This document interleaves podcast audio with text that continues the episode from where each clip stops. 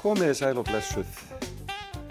Þá leggjum við að stað í þættinu fram og tilbaka og ég heiti Felix Bergsson og ætla að vera með ykkur eins og alltaf hér á lögutasmórnum fram til tíu frétta þegar Salka Sól tekur við. Og ég tala til ykkar frá Berlín eins og um síðustu helgi. Hér er maður að reyna að njóta vorsins sem að lætur þó aðeins býða eftir sér. Það er ekki alveg eins lít og maður svona hefði óskað á þessum tíma.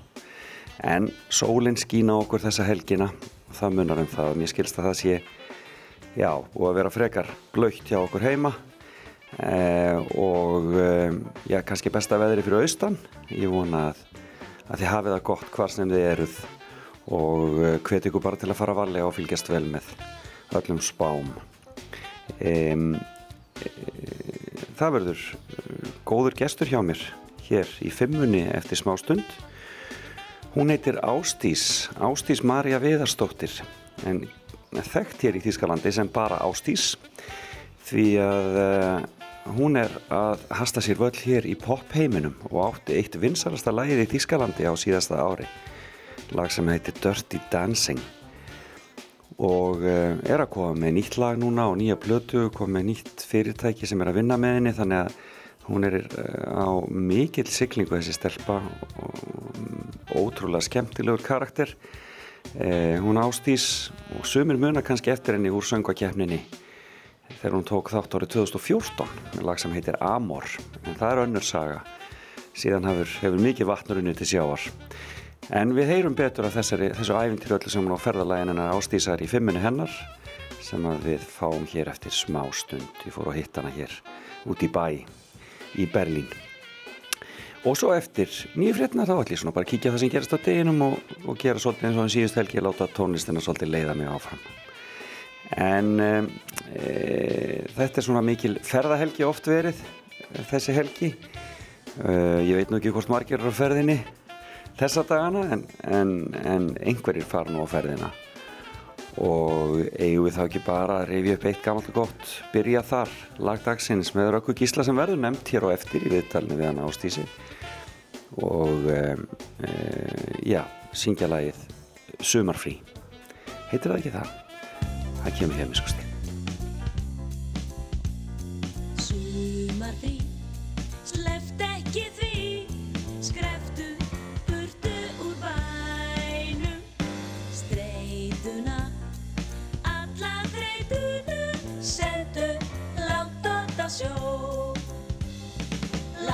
Landið þitt fagnar þér frelsuðum, fjöllin þau bjóða þér heim. Heilsaðu háttvirtum jöklunum hæst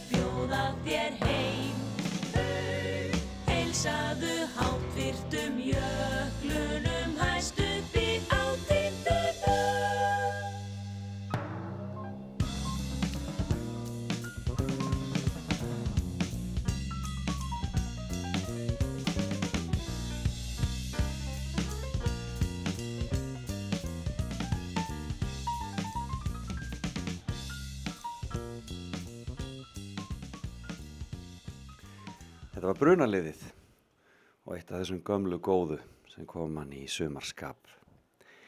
En þá er það Ástís Marja Viðastóttir. Hún er næst á dagskrá og viðtal sem ég átti við hana hér í stúdiói út í e, bæ í Berlín, í Austur Berlín e, á indislegum sumardegi e, og hún er með skemmtilega fimmuhand okkur sem hún ætlar að segja okkur af. En við skulum byrja á því að heyra lægið sem ég myndist á hér í upphafi, lægið sem hún söngu söngakefninni e, árið 2014 og vakti þá heimikla aðtegli. E, hún er með e, svona ráma og svolítið sérstakar röddun ástís og já, það fer ekkert á milli mála þetta sé hún sem er að syngja. Og já, svona eins og fugglarnir hér í kringum mig. Þetta er talað hér af söðlunum heima hjá mér í Berlín. En við skulum uh, heyra Amor og svo byrjum við ástís að rappa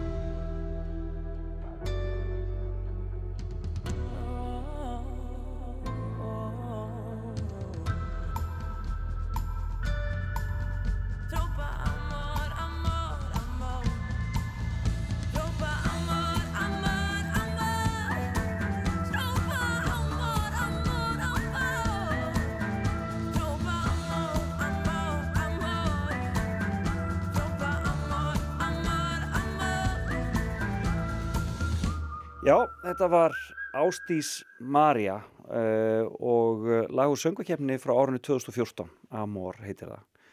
Vakti hérna mikla aðtegli og nú sitjum við hér saman í Berlín, í stúdiói Ástís, hva, hvar erum við?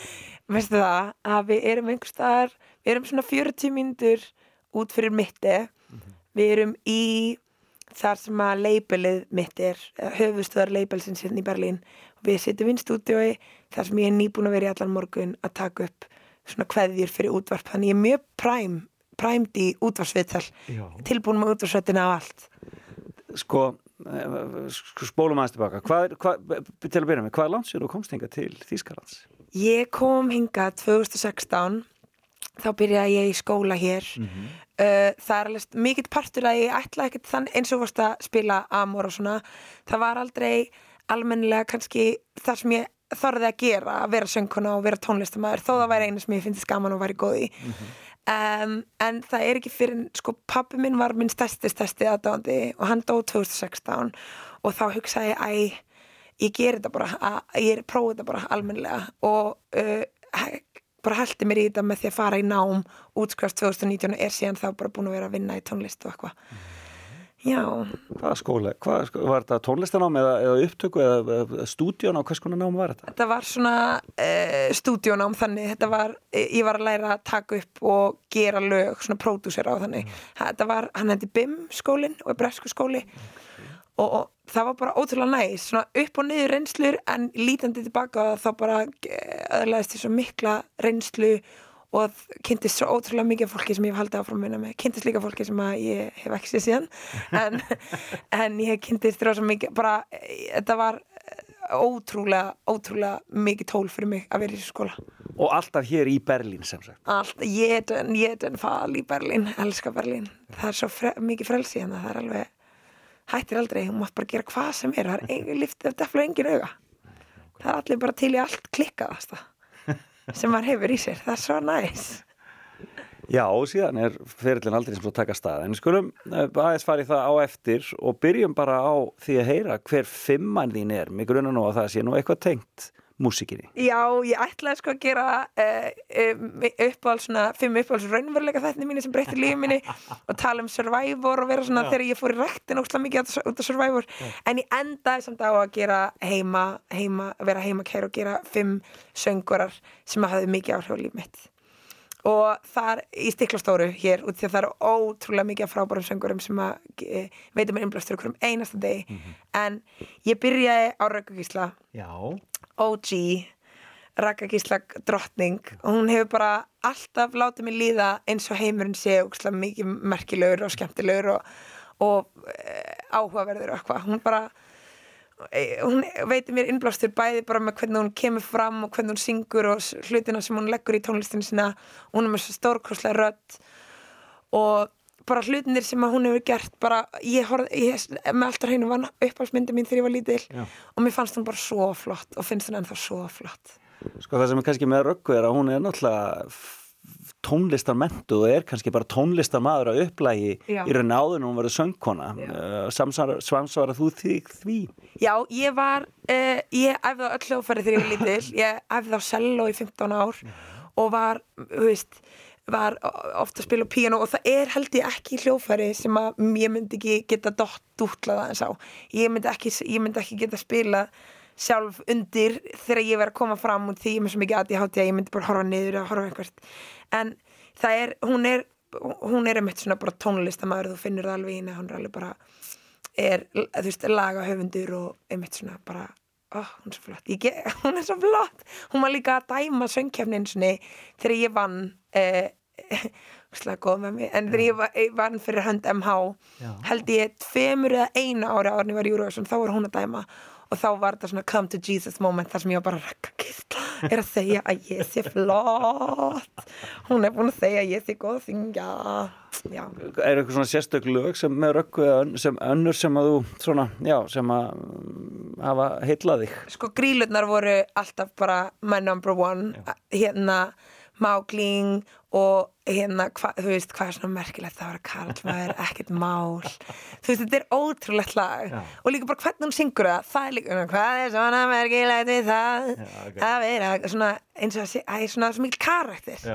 Og grílurnar voru svo mikil karakter og hún er svo mikil karakter. Og það er svo augljóst í öllum lögunum, ég er svona, já hef séð hana líka koma fram koma fram live oft og bara, hún er alltaf stórkostlega, það er eitthvað við hana sem að læt, mér líður bara eins og töfraheimur opnist fyrir fram með þegar hún er þar út því að hún er líka bara að tala við hann hún er svo eitthvað svo yfirveguð samt svo nett og bara Ég var aðeins að skoða þetta núna þegar hún var að halda stóru tónleikana sína að því að hún alltaf átti þetta stóra ammæli og var með tónleika í hörpu sem ég misti því miður af alveg, oh, en þá kemur í ljós að það er svo mikið af ungu tónlistafólki sem bara lítur svo gríðarlega upp til hennar. Já, ég kemur ekki óvart. Ég finn mikið meðbyrðið í þegar Raka fyrir að góma, fólk er það, hún er bara inn- innilega innilega dáð og elskuð.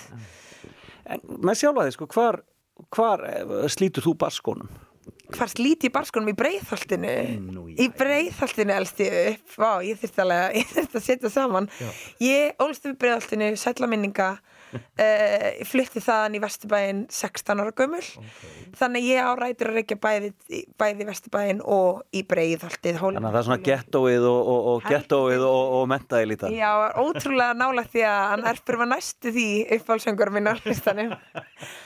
En hérna, við, já, ég meina það var náttúrulega það var öðru tónlist en mikil tónlist samt. Já. en ég var, ég var alltaf brúkslega hrætt við að taka þátt í ég veit ekki af hverju, ég var alltaf verið mjög hrætt við að vera svona það kemur ekki þannig út þegar maður tala um mig að því ég er svona, er svolítið ljón í mér. En það er, ég hef alltaf verið mjög svona hrætt við að taka skarið og, og, og segja já þetta er lag sem ég gerði og hér er ég. Og þú veist þá erfitt með svona promo og allt þannig og erfitt með social media og svona en la la la. En breiðolti var úkslega mikið rapp og gætt mikið góður rappiðar sem ég er alveg svona fæ ennþá stundum að heilan. Kannski er þetta að fá aðganga í núna en það er alveg svona, það voru stjörnir þar sko, Ómar BRH og, og þú veist MC Biggie og, og allt þetta fólk, ég meina þeir eru ég veit að þeir eru þá að gera tónlist dag sko þeir eru, þetta er alveg legends in the game. Og, það, en, og Gauti náttúrulega, Gauti að honum, ón, þú veist, hann sé ekki ónefndir hérna hann er líka góð svona úr bregðaltinni en, en, þú- en þú ert aðeins yngri en, en gautið það ekki? Jú, ég er 93 fætt Ég veit ekki alveg hvernig hann fættir, ég held að þessi 91 eða eitthvað, sorry Gauti ef ég er að gera það eldri yngri. En hérna, hann er aðeins eldri en hann, já, hann var alveg svona góð sög sko, við alveg hann var svona, þú veist, og svo þegar í MH þegar frikkið voru koma þannig þá allir þessi gæjar maður það er svo nettir En hvenær byrjar að syngja fyrir alvöru? Ertu í kórum og svoleiðis? Já, eða já, ertu- ég var alltaf í kórum Ég var í kirkjukór þegar ég var lítil í Föllu og Hólakirkju mm -hmm. Guðblæsti það og svo fór ég í MH-kórin var mjög heppin að geta verið þar undir leyslu þorgerar Já. hún var ekki alltaf sjúk í mína hegðun en uh, alltaf, alltaf, alltaf góð við mig samt en hérna En af hverju ferði MH? Er það út af tónlistinni eða? Já, það var bara svo nett, ég var eina held ég úr árgangnum mínum í breiðaltinu sem að, já, nei, vorum tvö. Vorum tvö sem fórum úr breiðaltinu yfir í MH og það var alveg svona, vá, ok, er það reyna að vera eitthvað er það reyna að vera eitthvað arti er það reyna eitthvað flott, en ég var reyna ég var bara rosa mikið. Ég bara vildi, vildi komast þá var ég svona me- meira indie svona, elskaði allt svona indie og, og rock og vera tortured artist og svona En já, það var það. Það var líka, kórin var líka, þú veist, ég byrjaði ekki kórnum fyrir setna árunni en það var úkslega mikil gjöf að finna kórin. Það var úkslega dásamlegt. Frábært, þannig að þú ert komin í MH Mm. og hver er söngvarinn nummer tvö hjá þér í fimmunni?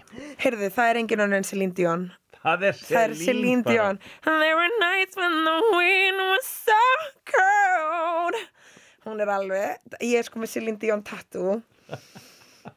Hún er alveg, sýsti mín hlusta ógislega mikið á hana. Hún ómaði svona yfir heimilið þegar það var tímabil þar sem að það var hérna, mamma og mikið svona í þótt á svona hlusta Tony Braxton og Celine Dion og svona og þá voru þessar dýfur sko og þá, ég man líka einhvern tímann áttu við einhverja spólu af henni að spila live tónleika og hún var bara uh, beitingin sem hún hafði og bara röddin hennar var svo ótrúlega ég var bara hver getur sungið svona endalaust og með engu eh, svona sýnilegu sýnilegri áreynslu.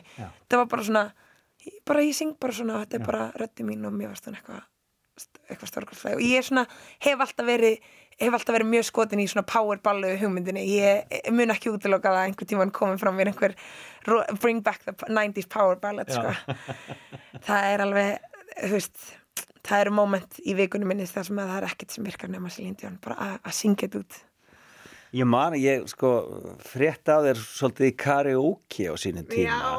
Eh, Þannig að er það, tekur þú powerballuð þegar þú ferði í karaoke? alltaf think twice.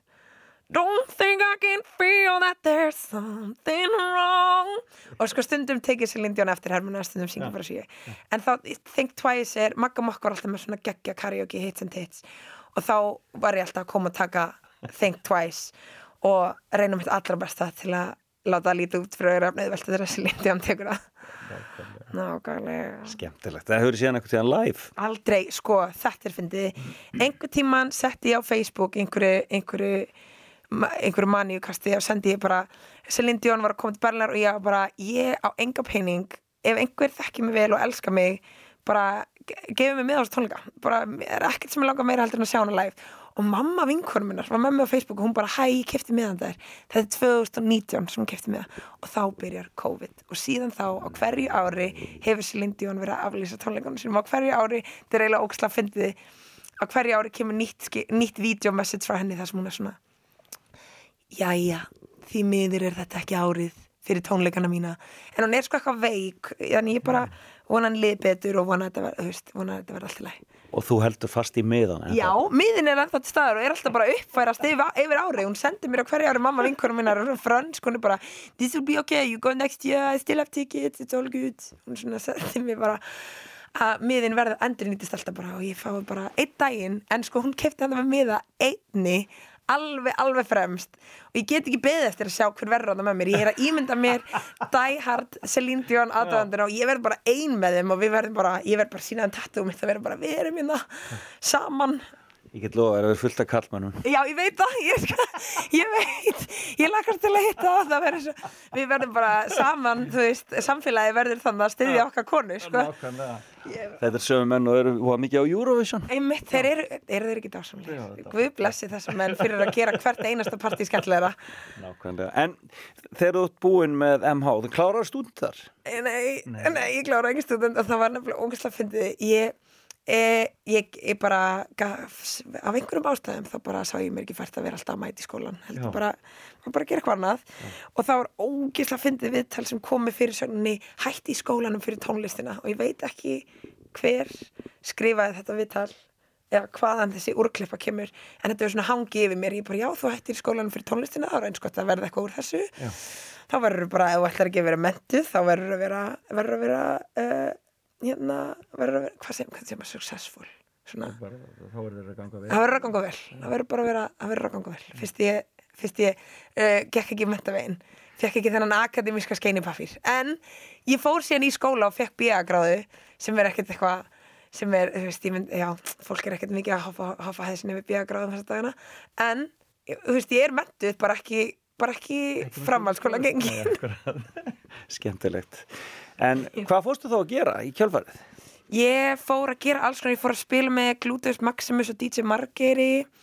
Ég fór að, þú veist, ég var bara ákvæmstlega mikið að fara og syngja fyrir alls konar fólk. Ég kunni rosa lítið að gera feril úr þessu og var bara svona að koma fram þa- þar sem fólk vildi fá mig. Bara fólk var eitthvað, já, getur þú ekki sungið tekið það nokkur coverlög og bara sungið í brúköpi og ég bara, já, já, svona er þetta bara svona er maður bara tónlistamæður og það er ekki það er ekki fyrir en að ég kom með mitt til Berlinar og fór að semja lög fyrir aðra. Að ég áttaði mig líka á að það er að semja lög fyrir sjálf og gefa þau út, það er bara og ég haf ekki vita ég var bara, já, ég get bara gefið þetta lag út.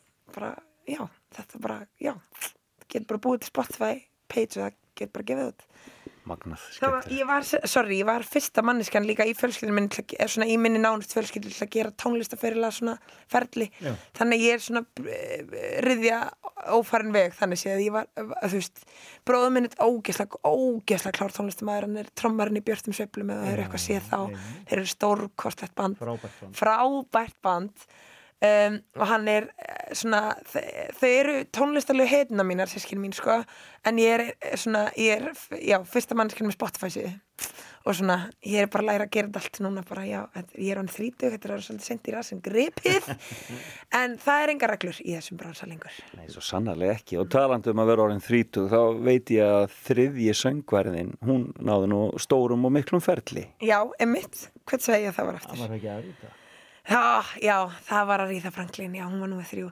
Sko, ég hugsaði að ég gæti ekki gert fimm uh, söngvarlista án þess að hafa ríða Franklin. Ég var eitthvað að hugsa hvort ég hafa Gladys Knight eða hvort ég ætti að hafa Etta James eða þú veist þessar legends eða er að ríða sem er svona, hún er líka í lítókslega mikið upp til hennar sem svona dífu. Já. Að því hún, te hún tek, hún, she takes no shit, hún er bara fyrir ekki, hún svona, hún lætur ekki segja sér, hún hún veit hvað hún hefur, hún veit að hún, henni var guðskefin til rödd og hún og hún, veist, hún er með svo mikinn tilgang í röddinu sinni að það er alltaf í öllum viðtölum og í svona þegar hún talar um röddinu sinna þá er hún, veit að þetta er gjöf sem hún þarf að passa að sé á réttum stöðum og undir réttum kringustæðum og ég lít svo mikið upp til þess að vera bara svona að eh, vera bara svona meðvitaður um hvað hún gefur heiminum með þessari rödd. En hún var alltaf góð að syngja. Alltaf, alltaf, alla hefi hún bara voru tónleikar hann að þú veist, bara, að hún, kom fram á hérna hún var að því að hún sem, söng- sem samdi lagið hann að hann að Tapestry, hvað heitir hún eftir hann að sem samdi hérna You make me feel like a natural woman. Hún hérna, hún var að kom fram á svona tribute til þessa söngkonu og hún, ég man ekki hvað hún heitir, það er alveg stólu um mér því er svo leiðlega með nöfn, en hún er uh, ógæslega góð og hún kem, Aretha Franklin kemur fram uh, óvænt og þegar hún er sko, er, held ég ekki langt átt, þetta var svona tve, tveimur árum án degir sko og þá kemur hún og spilar á píanóið og fram að þessu hafði þessi laga höfundur aldrei séð að Ríða Franklin spila lagi á píanóið og syngja. Það og ef þið þurfum ekkert að gráta á þunnu, þunnum sunnudegi þá mæli ég með að fara á YouTube og horfa þetta myndbæti þetta er stórkostlegt. Og hún gæti alltaf bara sungið svona upp í hæsta það er bara alveg sama. Hún var í bara pels og eitthvað hún var alveg ekki hún er stórkostleg Ef við tökum okkur smá pásu og spilum eitt lag með að rítu, hvað á ég þá að spila? Eh, ég væri til að heyra Ain't No Way. Það er rosalegt lag. Það er, já, það er rosalegt lag. Ég bara vonaði njótið og þú njótir þess. Ok, tökum okkur smá pásu og heyrum ég að rítu Franklin.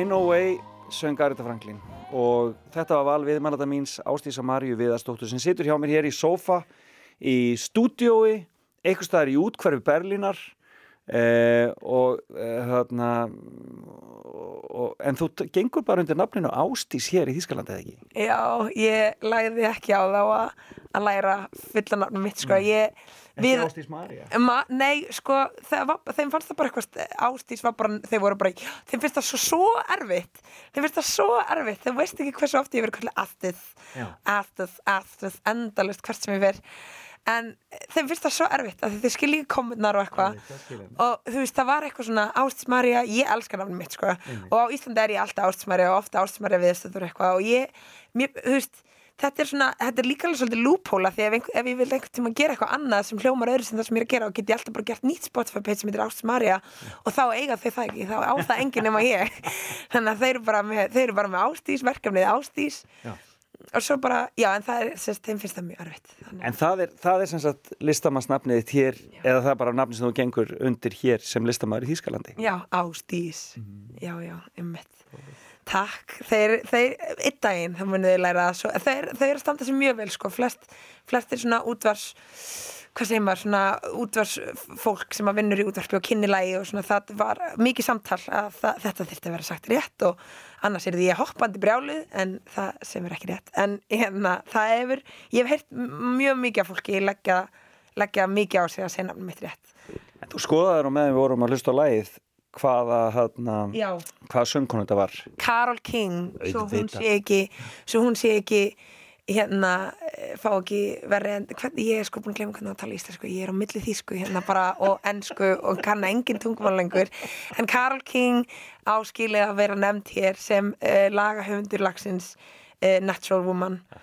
Og þetta var tribute fyrir hana þið fara á YouTube Natural, nei, Carol King Aretha Franklin Tribute for a good cry sko. það, er, er ótrúlegt meðband For a good cry. for a good cry Já, það er alltaf gott að gráta smá. Já, þess að þetta er maður bara með svo mikið tilfinningum Felix og maður þarf að koma þeim einhvern veginn út og ég er oft bara svona ef ég hef ekkert sem að mér langar ekki að grafa með dúftin eigi sálarlíf og gráta yfir einhverju sem ég á að gráta yfir þá græti ég bara yfir hvað heimurinn er fallegur stundum Ertu búin að gráta mikið sem þú komst til Berlínar? Oh my god, já, ég er búin að gráta ógeðslega mikið. Ég er búin að gráta sjúklega mikið en það er líka svolítið, ég er líka búin að hlæja ógeðslega mikið. Ég er búin að vera hlæjandi hérna og grátandi bara allan daginn. Það er svona, það, maður þarf að vera mjög tengdur þessu, oft þegar maður er að semmi lög þegar, þú veist, ég hef og, og, og mikið sami lög líka hjartasár og svona og þá þarf maður stundum bara að fara yfir gamla dagbókafæslur þar sem maður er einhvers staðar mjög sorgmættir einhvers staðar og mikið gráti og þannig koma bestu lögin sko. þegar maður er að reyna að vera sem sannastur sjálfum sér og reyna að taka eitthvað moment og, og setja, setja einhvers konar kjól á það eða hatt eða eitthvað sem að e, sem að lætur alla sjá, já ég hef líka gengið gegnum þetta, sem að gera það svona ég hef líka, hjarta mitt hefur líka verið mér hefur líka liðið eins og ég sé algjörlega einskist nýtt og gjörsamlega ó, ómerkilegur einstaklingur sem á bara, eh, sem, á, sem ætti bara hverfa einhvers staðar og vera aldrei heitt í aftur, það hefur- allum liðan sko. þannig að þegar maður hleypir því út í lögin og þá þarf maður alltaf að vera grænjandi endalaust. tek mikið á mig fyrir þetta Sannarlega. En við vorum koðan að því að þú semast, hættir í MH og ert bara fann að vinna sem söngkona en þá, svo kemur ævintýri þarna þú er 21 árs þegar þú kemur til okkar í söngakefni. Já, og við Haugur Johnson baða mig um að koma í Eurovision sem var, það, þú veist, það var líka mitt máli, ég bara ég sagði bara já, ég er mjög mikið bara svona fyririldi kvirulbil og ég finn það bara, ég fylgi bara því sem að er, mér langar að gera þá. Eurovision er náttúrulega bara e- eitt skemmtilegasta fyrirbæri í heiminum. Það er bara ótrúlegt að það sé til. Það er ótrúlega kreatífa og geðveiki sem kemur ljós á Eurovision tímum. Og ég bara gæti ekki ímynda mér sér nefið þessi þannig að ég er ógeðslega þakklátt að hafa sko það var skemmtilegast að við að vera að fá að kynast öllu fólkinu sem að var líka á baku tjöldin og eh, bara myndaðalega fólki og sound fólki á rúf sem að er ennþá að vinna þar og ég bara og við kynntust fyrst þar sællaminninga átt mjög gott moment. Hérna e, það, var, var bara æfintýri það var ógeðslega gaman það var ógeðslega fyndi það var eh, bara ógeðslega fyndi hvað það er mikið af Eurovision fólki sem brennur fyrir Eurovision Íslandi sem er bara mi miklu aðdándur var mikið, mikið talað um eftir á og svona, bara mikið, mikið ég var mikið í, þekkt í ég svona, það voru go- gott svona hálft ár þar sem, sko, ég er með ógisla að finna sögu. Ég verði eiginlega að segja hana. Já. öruglega vandaralegast sem hefur komið fyrir mig á ævinni er þegar ég var að labba, ég var að vinna á þessum tíma á Argentínu Steakhús og ég var líka að vinna á BFM og ég var að labba á milli, milli vakta af Argentínu niðurlaugin á BFM og ég er stoppuð af hópa fólki sem er í svona ratleik. Og eitt, eitt af ratleiksmomentunum var að hérna, taka mynda sér með frægum. Og það er ein gellar sem sver til Guðs að ég sé fræg. Og allir hinn eru bara, ég veit ekkert hver þið er. Og gæ- ein gellan er bara, nei, þú ert söngkona. Og ég bara, já, ég er söngkona. Og hún bara, heyrðu, tökum bara mynd með þessari og síðan, hérna, ef við finnum ekkert frægari þá bara tökum við líka mynd með þeim en þá erum við með þessa. Og ég var bara, þetta hlýtir að vera og þetta gerist alltaf svona 15 sekundum ég var alltaf bara að pósa fyrir einhverja mynd og vera bara einhvers konar, einhvers konar sorgarverlun ef þið skildu ekki finna einhvern frægari. Og það var, já, þannig að var, ég, það var ógislega gaman að taka þetta í rauðsum Ímislegt sem gerðist Ímyndið sem gerðist Heyrðu fjóruðu söngvarinn? Fjóruði söngvarinn er Lauren Hill. Já. Lauren Hill, mín allra besta. Hún var átti í plötu The Miseducation of Miss Lauren Hill sem var svona, ég var ógislega ung og sýsti mín hlusta ógislega mikið á þessu plötu og ég var ógislega ung og ég hlustaði á alla plötuna alltaf endalast í gegn og fannst hún alltaf geggjuð og svo var hún með svona MTV Unplugged og ég er ennþá alltaf að referensa það núna bara mér langar ógislega mikið að vera með svona moment eins og Lauren Hill þegar hún var í bara Unplugged, ein með gítarinn, ógislega vulnerable bara deila og deila og deila. Og mér fannst hún bara svo hún var svo ógeðslega nett að koma úr Fugees og vera svona, þú veist, svona, eh, svona það sem ég kallaði í breiðaltinni þegar ég var þar svona chorus girl, skilur, Já. það var gæja að rappa og, og það var svona það sem ég hefði getað verið í breiðaltinni, svona syngja chorus, chorus lína í að vera bara, uh, í að deila bara frá sjálfur sér og hún líka með svona magnaðarödd, en líka svona einhvern veginn understated og bara hún er eina mínum bara, hefur alltaf verið eina mínum uppáhalds og hún er, ég hef líka séð hana live en það var setni árum og þá var, það var svona kaotíst gig daldið, en hún er samt bara stjarnar Já, hún hefur átt einhverja magnaða æfi eða ekki? Jú, hún er gengið gegnum ímislegt hún fór líka hún fór, hún dróð sig ókslega mikið í hlið frá bransanum og ég get ekki sagt að ég endilega tengi við það að vera eitthvað vátur ókslega mikið því ég get ekki ímyndað mér hvernig það er að vera svona ungur og gangi gegnum þetta allt. Út af því að þó ég hefði ókslega mikið vilja vera 22 ára gömul, bara beipa og dúa lípa ókslega mikið, þú veist eitthvað þá finnst mér ógislega næs að þetta hefur gengið mitt bara svona á geggja þægilegum hraða að ég, mér líður alltaf eins og ég sé undirbúin í það skref sem er að koma.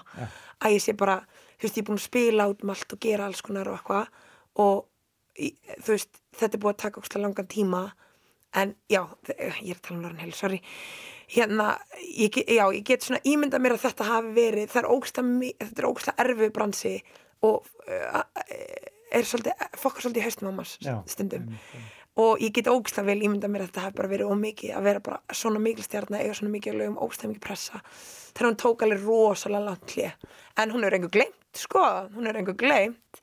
En hún er bara á þessi geggjulög sem eru bara svona, þessi lög sem eru alltaf að fara að vera góð. Já, það er svo merkilegt. Það, maður er svona, þegar maður er að semja lög þá er maður alltaf að leita þessu svona hvað er þetta sem að gera laga einhverju sem er ekki bara of the moment heldur bara of the, of the, of the meaning, of the life Já. bara, sem getur bara verið eh, hlusta eftir 80 ár, 100 ár, 150 ár 20 ár í næstu viku bara endalust sem getur bara lifað. Hún á þannig, hún á svo mörg þannig. Briljant, spennandi. En sko það, í rauninni þinn ferill kannski svona fer af stað eftir þetta nám hana, þú ert búinn 2019 í náminu COVID-tími, COVID-tími. auðvitað. En þá uh, ferði samstarf með ímsum, til dæmis staða frey. Já, Daði Freyr er minn uppáhaldsmaður. Hann er, það er ótrúlega gaman að vera, vera að gera tónlist með Daði Freyr og gera kreatív hluti með honum, hann er bara ég er sem sagt samti lag sem heitir Feel the Love og ég síndi honum það. Og á þessum tímbúti var ég búin að vera að semja ógeðslega mikið lögum að því ég var bara lagahundur og var að semja fyrir Já. bara alls konar uh, hljómsveitir í Þýskalandi og eitthvað svona fólk bara alls konar poplistamenn og svona. Og ég sín honum, er alltaf að sína honum hann er alltaf að fussa og segja yfir því að ég eigi svo mikið að lögum, hann bara, er að gefa þetta út bara sjálf okkur og býða eftir einhverju fólki að segja að þau vilja eiga, hver veit hvað það tekur langa tíma, en það var þetta lag sem ég síndi honum og hann bara, nei, nú gefum við þetta út. Bara verður að gefa þetta út og ég vil gefa það út með þér, ég elska það, ég skal gera pródusjón og við bara gefum þetta út. Og nú, hana nú, hann svona kom mér á stað þannig ég á honum ótrúlega mikið að þekka þannig að í fimm uppáhaldsöngurum er, er hann sko special mention. Já. og því hann breytti lífið mínu gjörsamlega Hann er líka frábær söngveri. hann er sko, sko ég segja að nýja lagi hans, Thank You, sem er mikið verið að spila núna það er sko stórkostlegt. Og ég man eftir, ég var að spila með hann í London og hann var á soundcheckinu sem ég heyrði það lagi fyrst skipti og ég fór að gráta og því ég var bara þegar hann kemur að það I wanna thank you og það er bara, og ég hef verið að hlusta á þetta með mömmu í heima í, á hagamælum og hún er bara hann er með svo dásamlega rödd. Hann er svo góður söngvari. Og hann er svona í fyrsta skipta þú veist, hann er oft sínt fólk hvað hann er góður að syngja.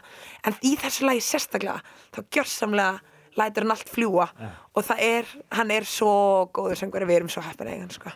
En hvernig gerist það hjá ykkur? Ég meina, það, þetta fóru svolítið fluga það ekki, þetta lag. Jú, það var, við gerðum geggja myndband og við e, fengum óslega mikinn stuðning heima á Íslandi og ég held sko að það lag hafi ekki séð sinn seinasta dag í, í, í, hérna, í ljósinu. Bara, mér líður eins og þetta sé mitt svona, sorry, þetta er ég sko. Hér, mér líður eins og þetta sé hérna lags, eitt af þessum lögum sem að ég get, muna, ennþá geta hlusta eftir 50 ára og vera bara, wú! Að því að e, það er fólk resonetaði mikið og var e, mikið að tengja við, við viðfagsefnið og bara okkur saman sem þú og eitthvað. Þannig að e, já, ég, það það gekk ókslega vel sko, ég held að það geti ennþá gengið betur meiri spilun á það, bara aftur annan umgang í útvarpi á það. Bara setja það aftur í spilun ég held að svo fólk gleym ekki, það er hérna En á þessum tíma ertu semst farin að semja eins og þú segir, fyrir aðra. Já, og voru þá lög, lögiðin farin að voru menn farin að pikka þau upp og nota þau, voru þau farin að koma út sem sagt? Já, já, ég samti lög fyrir uh, fyrir uh, þýskulustendina, þá samti ég lag fyrir uh, hljómsveit sem heitir No Angels og Tokyo Hotel og svona og uh, var mikið að semja fyrir danslistamenn, svona, ég veit ekki, svona, svona það sem ég kalla ræktartónlist, var mikið að semja fyrir svona popsöngara og, og DJ-a í, í collaboration. Og þetta er ógæslega mikið að danstólist í Þýsklandi, þetta er ógæslega gaman og auðvitað að gera hana hér. Um, en já, þá var ég lítið að fókusur á það sem að ég, þú veist, Love var ógæslega mikið persónlega frá mér Já. og þess vegna var, var, var það bara við þurfum að gefa út. En það er líka ógæslega mikið frelsi að semja bara um einhvern sem einhver er skotin í einhver staðar sem að ég hef aldrei séð og aldrei hitt og veit ekkert um og þú veist, get bara sami um hvað sem er. Það hefur alltaf verið svona það sem heilla mig við það. Og líka að heyra aðra ógæslega góða söngur að syngja lögum hans er eitthvað rosalegt. Það er sko, Hvað var fyrsta lagi sem þú svona eh, heyrir bara eh, eftir sjálfa þig sem kemur út hér? það var ég man í ég mun eftir söngkonni Meduna, hún er dönsk, hún skerði hana Come for my, come for my. Það var rosa stort back in the day. Hún spilaði lag hún, samt, hún, hún hérna gaf all lag eftir mig. Og að heyra bánsið, fyrsta skipti að heyra demo útgáðu þar sem einhver er að syngja líka bara svona ef maður gerir eitthvað svona mm, mm, og einhver gerir nákvæmlega sama þá er maður bara oh my god, ég er í þessu lagi líka smá það er mjög merkilegt sko. en hún heitir þó- hún, Medina Medina, afsakið bæði hún og Karol King alveg að fá það óþæg Öll góð með nöfnin. Heyrðu, en síðast söngvarinn? James Blake Vá. Já, sko, James Blake var, hann á líka úkslega mikið að gera með skóla minna því það var, var ég úkslega mikið að leika mér með að pródúsera. Og mér finnst bara ógislega fallegt og merkilegt hvernig hann notar röddina sem líka bara ógislega látt og lítið og mikið, að- mikið að layers og mikið að svona stacks og er mikið að svona gera stórt úr einhverju litlu og eitthvað. Og hann gerir bara svo ótrúlega falleleg og ég, eh, þú veist, alltaf geta hlustaði bæði ég hlustaði til að són út og ég sé hann líka spila live tvisvar og hann er svo stórkostlega söngari, hann minnir mig líka svona smá daðafræði þeir eru með þetta svona ótrúlega fallega hljóm, hljómfæra rattir sem eru bara mun alltaf geta gert með hammingisama það eru svona líka bara svona hvernig pródúsera tónlistamæður hann er. Svona mér finnst það mjög inspiring og ég hef oft verið svona að teki þegar ég er að gera svona alveg danslög sem eru bara dus, dus, dus þá er ég bara, ah, hverju get ég ekki verið meira svo James Blake? En James Blake á bara að vera James Blake þess vegna er hann uppáldið mitt út því að það er bara hann sem á að vera hann. Brilljant, en skemmtilegt. En ég get ekki sleftir á þess að tala um þess að stóra hittið sem kemur bara í fyrra. já, Og það er rauninni það sem að er, svona, er, er að hleypa ferlinu innum á algjört flug hér í Þýskalandi og það er þetta lag sem heitir Dirty Dancing. Hvernig gerist það? sko, það var óksla fyndið, það var ég, var að vinna ótrúlega mikið með sérst, það er svona kór teimi hér sem að ég hef ótrúlega mikið verið að vinna með og þau voru með þetta lag sem að var svona ekki alveg, ekki alveg komið á þann stað sem langa þau syndi mér það og þau voru eitthvað hefur langar að prófa að syngja og prófa veist, breyta því eitthvað og syngja þess á því og eitthvað og þegar ég söng fyrstu útgáfana, hann var sér strákur sem tók það fyrst. Og lagi var óslega djúft og ég var eitthvað, ef við hækkum með óslega mikið og geta bara verið rosa, rosa bangir og ég söng það og við sendum það á mann hér sem heitir Dirk sem er algjört útvarps legend og hann heyrði það og var bara, já, þetta er æðislegt þetta verður útvarps hitt og það bara tók bara stað. Það voru bara ógsta fljóta verið eitthvað ert til að gefa út, við ætlum bara að gefa út bara, það er bara tilbúið, við ætlum bara að gefa út og þú getur bara komið að spila með okkur. Og það, e- einhvern veginn ég veit, ég get aldrei sett svona í sammingi þetta gerðist bara, þetta bara var, þú veist, maður er bara í stúdíónu einn daginn og svo allt í nefnum bara í, í Uber eftir tvær vikur og er ég bara að heyra lagið mitt. Og ég var bara það er, ef ég tæki ekki svona mikið Uber þá væri ég kannski aldrei búin að heyra það. En ég er í Uber svona þreysjóra dag. Já. Og það, það var ótrúlega svona erfitt að, að sendera sjálf mig í þessu mómenti þetta væri að gerast ég var bara, að því ég líka var búin að gleyma því að Ísland er svo lítið og Þískland er svo stórt og mér líður svo Þískland sé líka lítið Já. en það er svo stórt það eru meiri, fleiri, fleiri miljónir manns hérna og ég er núna nýlega ég var í fyrsta skipti sem ég spilaði þetta lag live og við fórum skilu í Freiburg sem er eitthvað stúdendabær og fórum í Köln og eitthvað og það bara kunnu allir þetta lag og ég var bara, hvað er að gerast það var þetta svona í fyrst skipt sem ég áttaði með á því hvað Þískland er stórt Já. en þú veist þetta er bara, þú veist, það eru ég er að halda áfram að minna með þessu teimi og það er næst kemur út lag 23. júni sem ég aldeilis vona að fá að spila á Íslandi Já. sem heitir Angel Eyes og það er vonandi eh, bara, eh, þú veist, það er mér fyrsta solo single, það er bara fyrst skipt sem ég er að gefa út lag ein og án stuðnings ekki án stuðnings, en án þess að vera að gefa út með einhverjum öðrum. Og ég er svo spennt að ég bara get varla ég get varla hafa mig. Ég, bara, ég get varla hafa mig. Hvað sérðu þið fyrir þér næstu árum? Ætlar að vera áfram hér í Þýskalandi eða eh, viltu vera einhverstur annar staðar? sko, ég elska Ísland ógislega mikið og ég er alltaf ég er rosa heima kær og kem mikið heim og það er náttúrulega engin náttúr það að viti. Þetta er náttúrulega, þú veist, þegar maður er þegar, ég er rosa mikið í þessu væpi núna mikið að gera, mikið að frétta, ógislega mikið sól og gegga gaman og alltaf eitthvað að gera. En það er ógislega erfitt fyrir maður að geta ekki farið í sund á hverjum degi og geta ekki farið í sjóin og eitthvað svona, þannig ég sé fyrir mér alltaf að koma að búa, búa, búa í Íslandi. Eða þú veist, maður veit náttúrulega aldrei. Ég, ég farið mikið til LA, allan einhvers þar þar sem er strönd og eitthvað, bara einhvers þar þar sem er stúdíu og, og gott við ég veit það ekki, ég er eins og ég sagði, ég er fyrirld í kvrjulbil og það er, ég, ég fylgi bara hjartanu, svona það sem að ég finn það þegar það er rétt og þá, þá ger ég það bara. Það er svona ég, ég, ég mér langar ógst það mikið að semja lög fyrir söngleiki og fyrir leikrit og semja, mér mér langar að semja ógæslega mikið að júra og lög, mér langar að það sé eitt ár þar sem ég er bara með bara með fimm lög fyrir fimm lönd og bara þú veist, svo er, þú veist, ég ætla ekki að útiloka það að ég taki þetta aftur í Eurovision. Gera, gera aðeins meir, gera aðeins meir dans gera aðeins meir aðriði það væri tjúlun, Felix endur fundir okkar á Eurovision sviðinu kannski fengi þill að vera með mér Aldrei að vita. aldrei að vita Það verður spennandi að fylgjast með þér í framhaldinu. Til með nýja læði, ég, ætla- ég er búin að heyra það, það er Já. geggjað og ég er bara hlakka til að heyra hvað gerist þegar það kemur út. En gangið er allt í hægin ástísmari að viðastóttir. Felix Bergson Let's keep dirty dancing right here till the sunrise. Are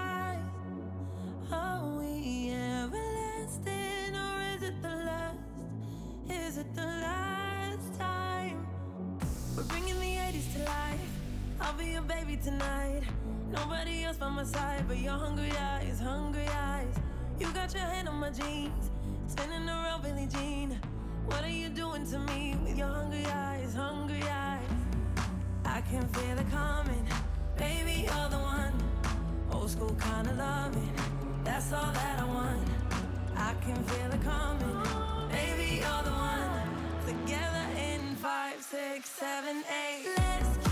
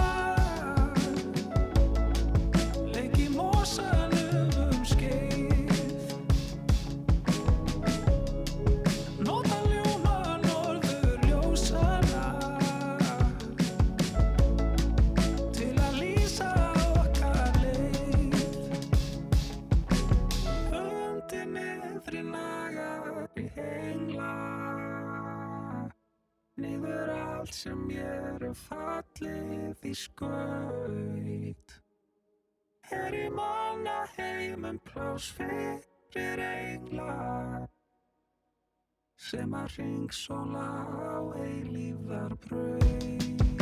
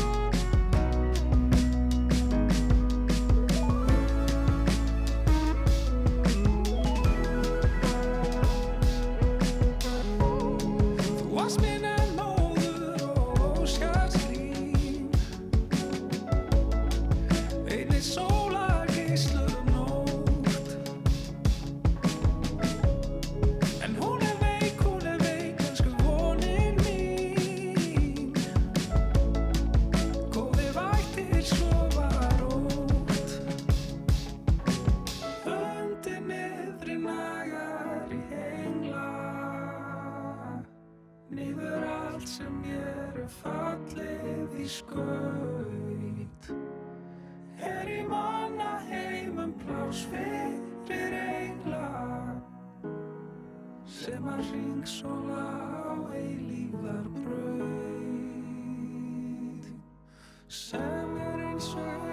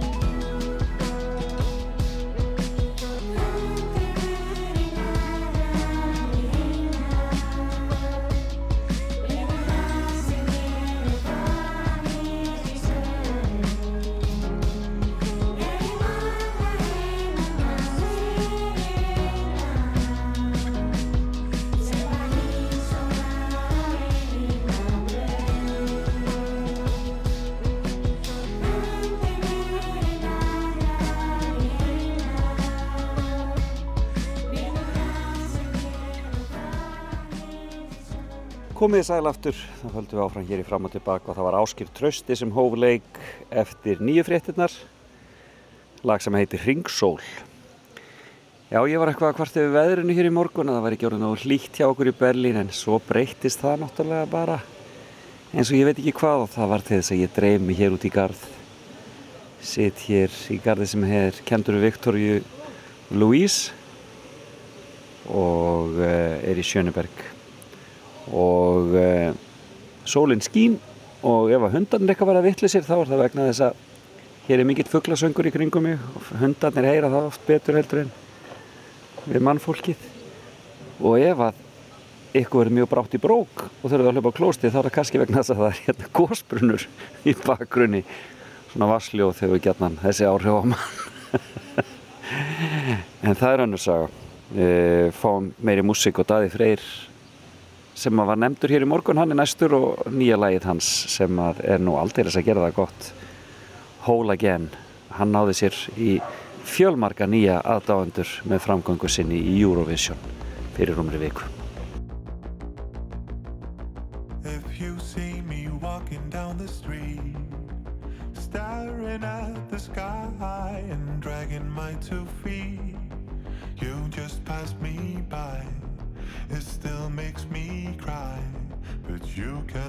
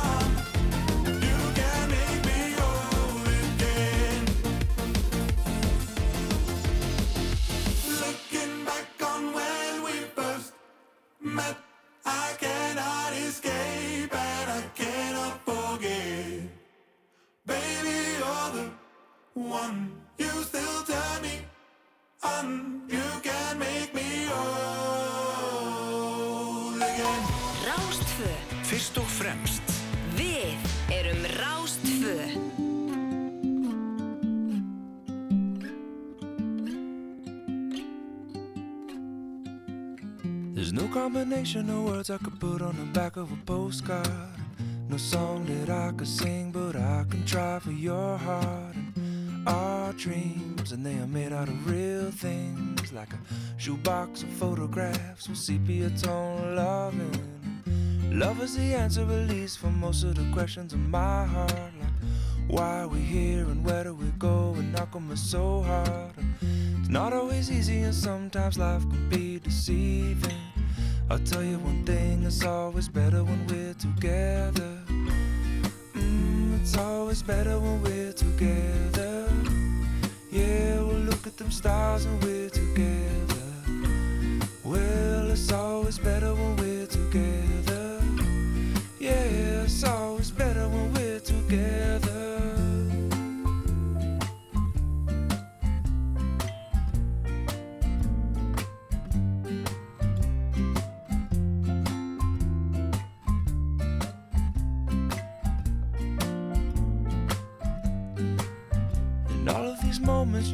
find their way into my dreams tonight.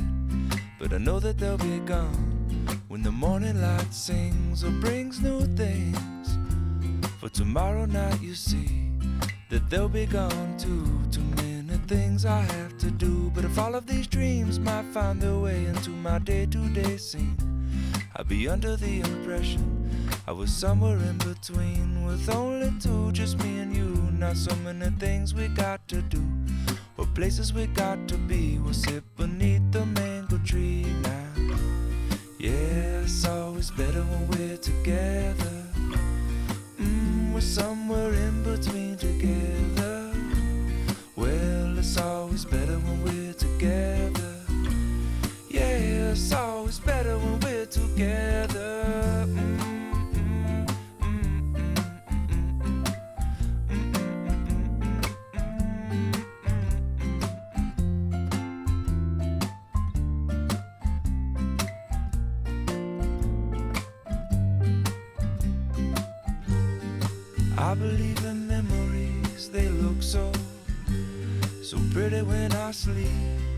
And, and when I wake up, you look so pretty, sleeping next to me. But there is not enough time, and there is no, no song I could sing, and there is no combination of words I could say, but I will still tell you one thing: we're better together.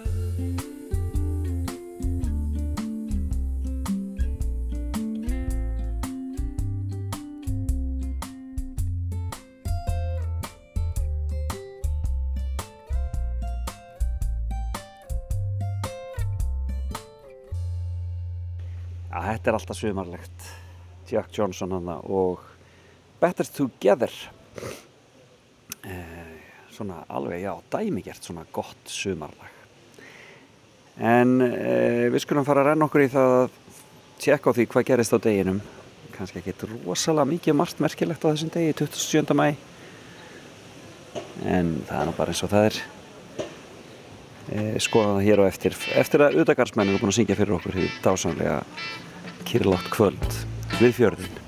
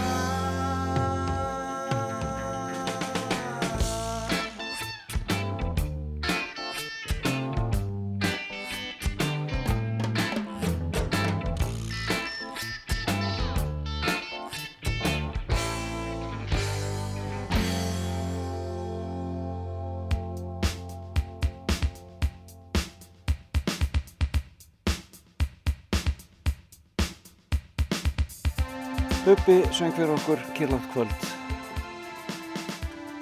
Og reyðkað leikur bári járn við veginn.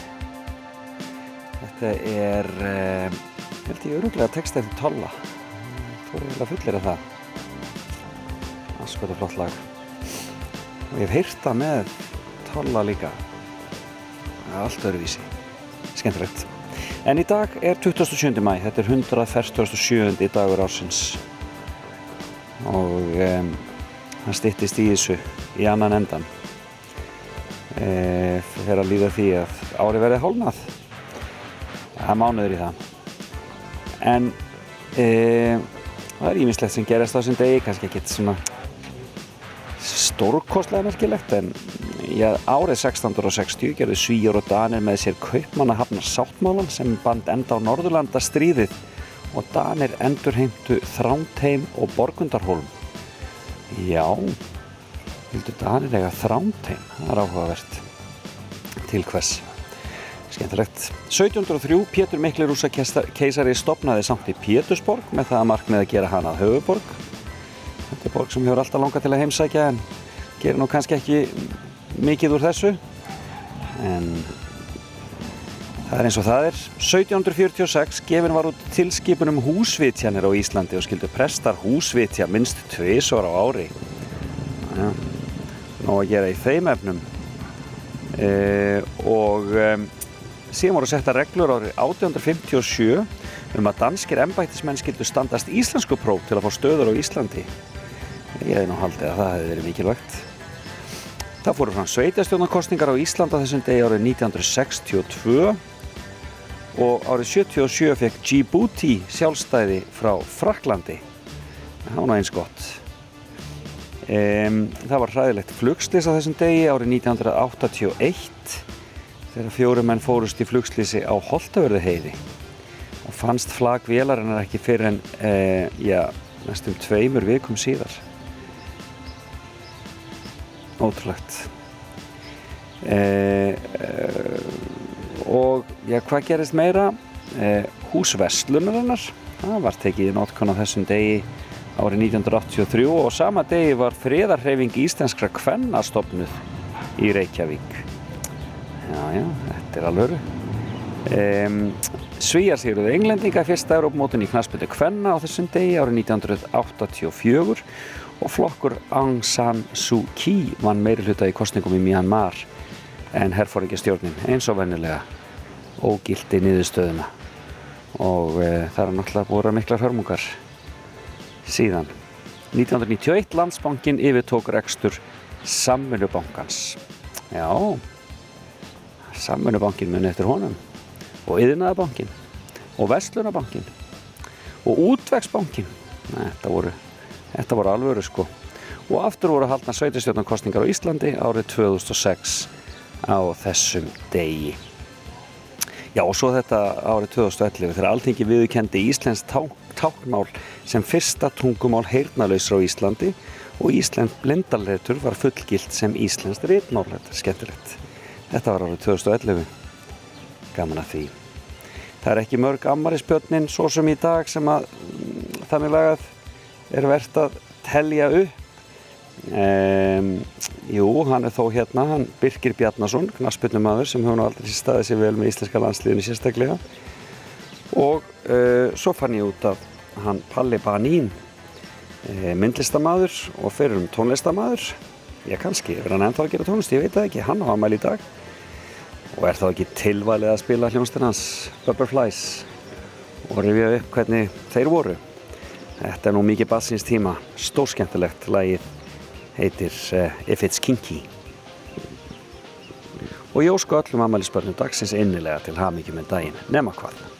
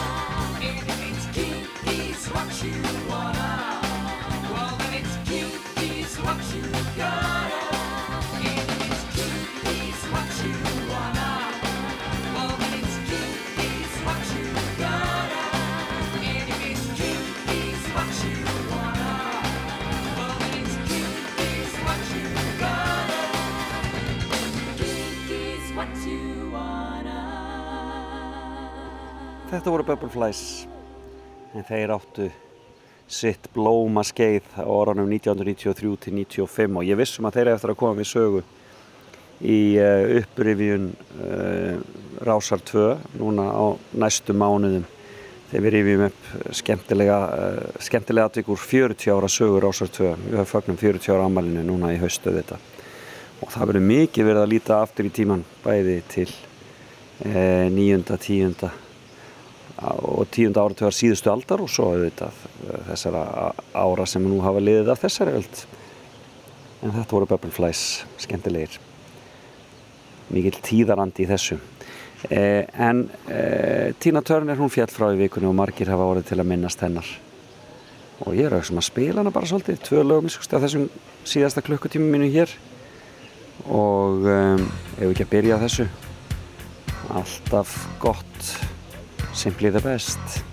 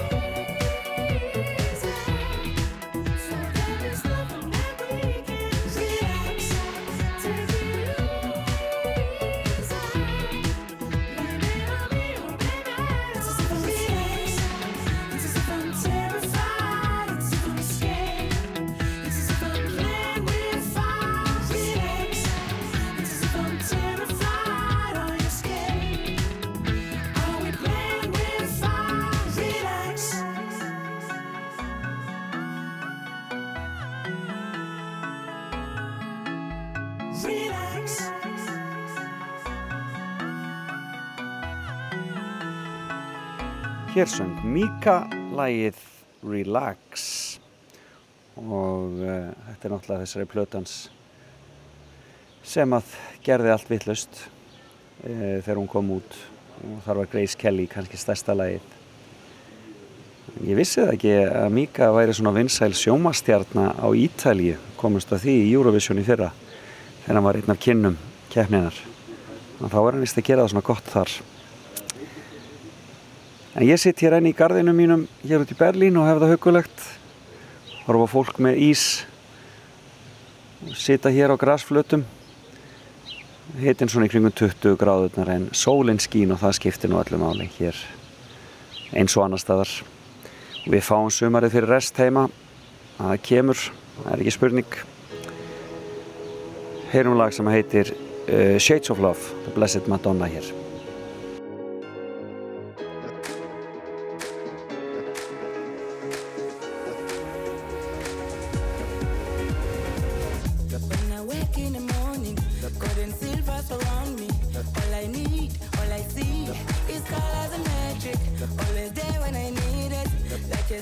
The rainbow. In the light, you can glow. Never forget that.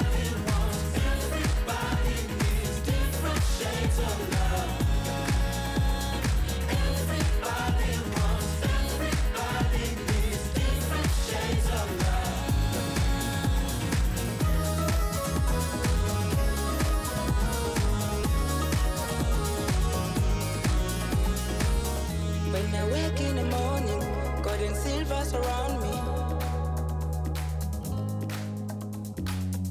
Always there when I need it, like a sun through the rainbow.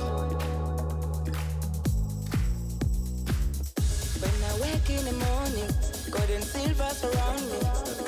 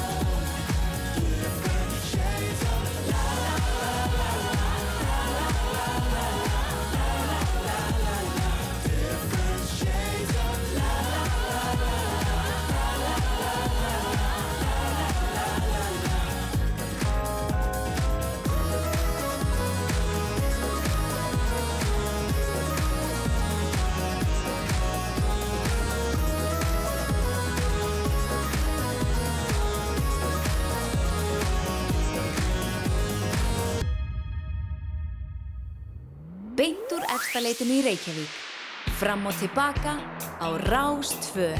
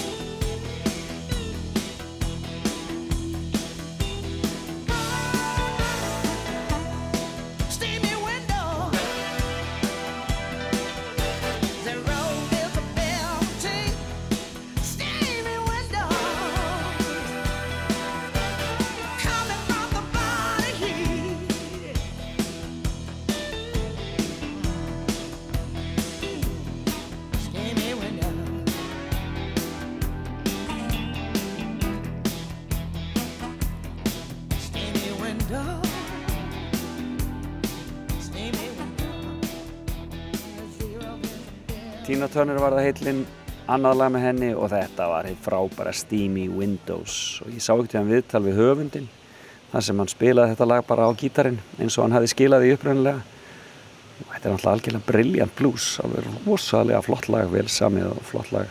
Og Tina gerði það svo sannarlega að sína blessu sér minning hennar og sem hefur glatt okkur mikið gegnum tíðina. Stórkostlega söngkona og tónlistamæður en við erum búin að hafa það hugulegt í dag. Og uh, ég þakka Ástísu Maríu Viðarsdóttur sem var viðmælandi minn hér í morgun fyrir stór skemmtilega fimmu, hún talaði um fimm uh, söngvara sem hafa haft áhrif á lífennar og þetta voru Raka Gísla og þarna var Arita Franklin og Celine Dion og fleiri. Þannig ég hveti ykkur bara endilega til að hlusta. Og uh, það er hægt að finna viðtalið og þennan þátt inn á hlaðvarpsveitum og einni inn á rúf.is en eh, ég ætla að fara að koma mér út í sömari hér í Berlín og hlakka til að vera með ykkur aftur eftir viku. Þá verð ég heim á Íslandi og, uh, og verð með eitthvað skemmtilega viðmælanda hjá mér upp í efstaleiti eh, en ég ætla að klára þetta með Ástísimari sem var hér í morgun. Og Daðafrey Æja, við höldum okkur við fólki sem hefur aðeins heyrst í þessum þætti Þetta er lagi sem þau gerðu saman í fyrra, eða hitti fyrra og heitir einfallega Feel the Love og það verður verða að loka skilabóð mín til ykkar. Finnið ástina njótiði helgarinnar og Salka Sól kemur næst. Bless, bless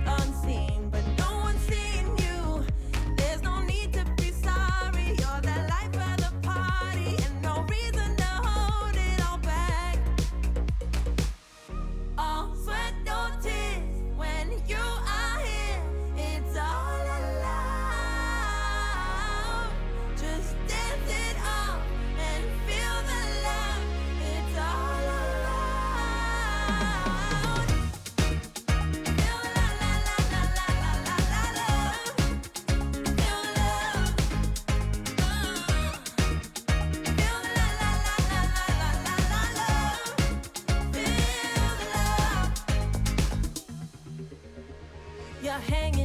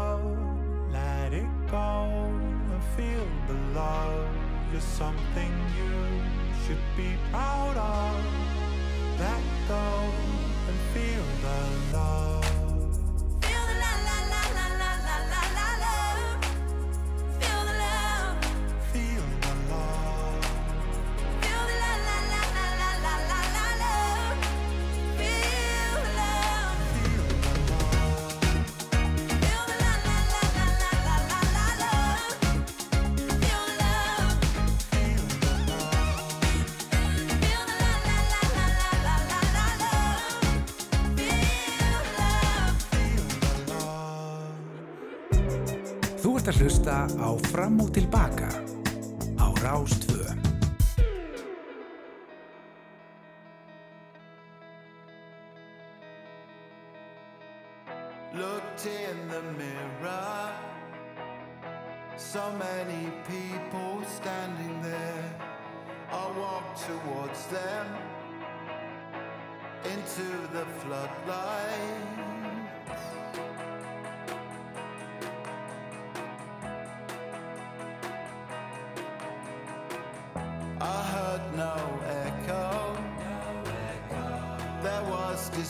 passion everywhere.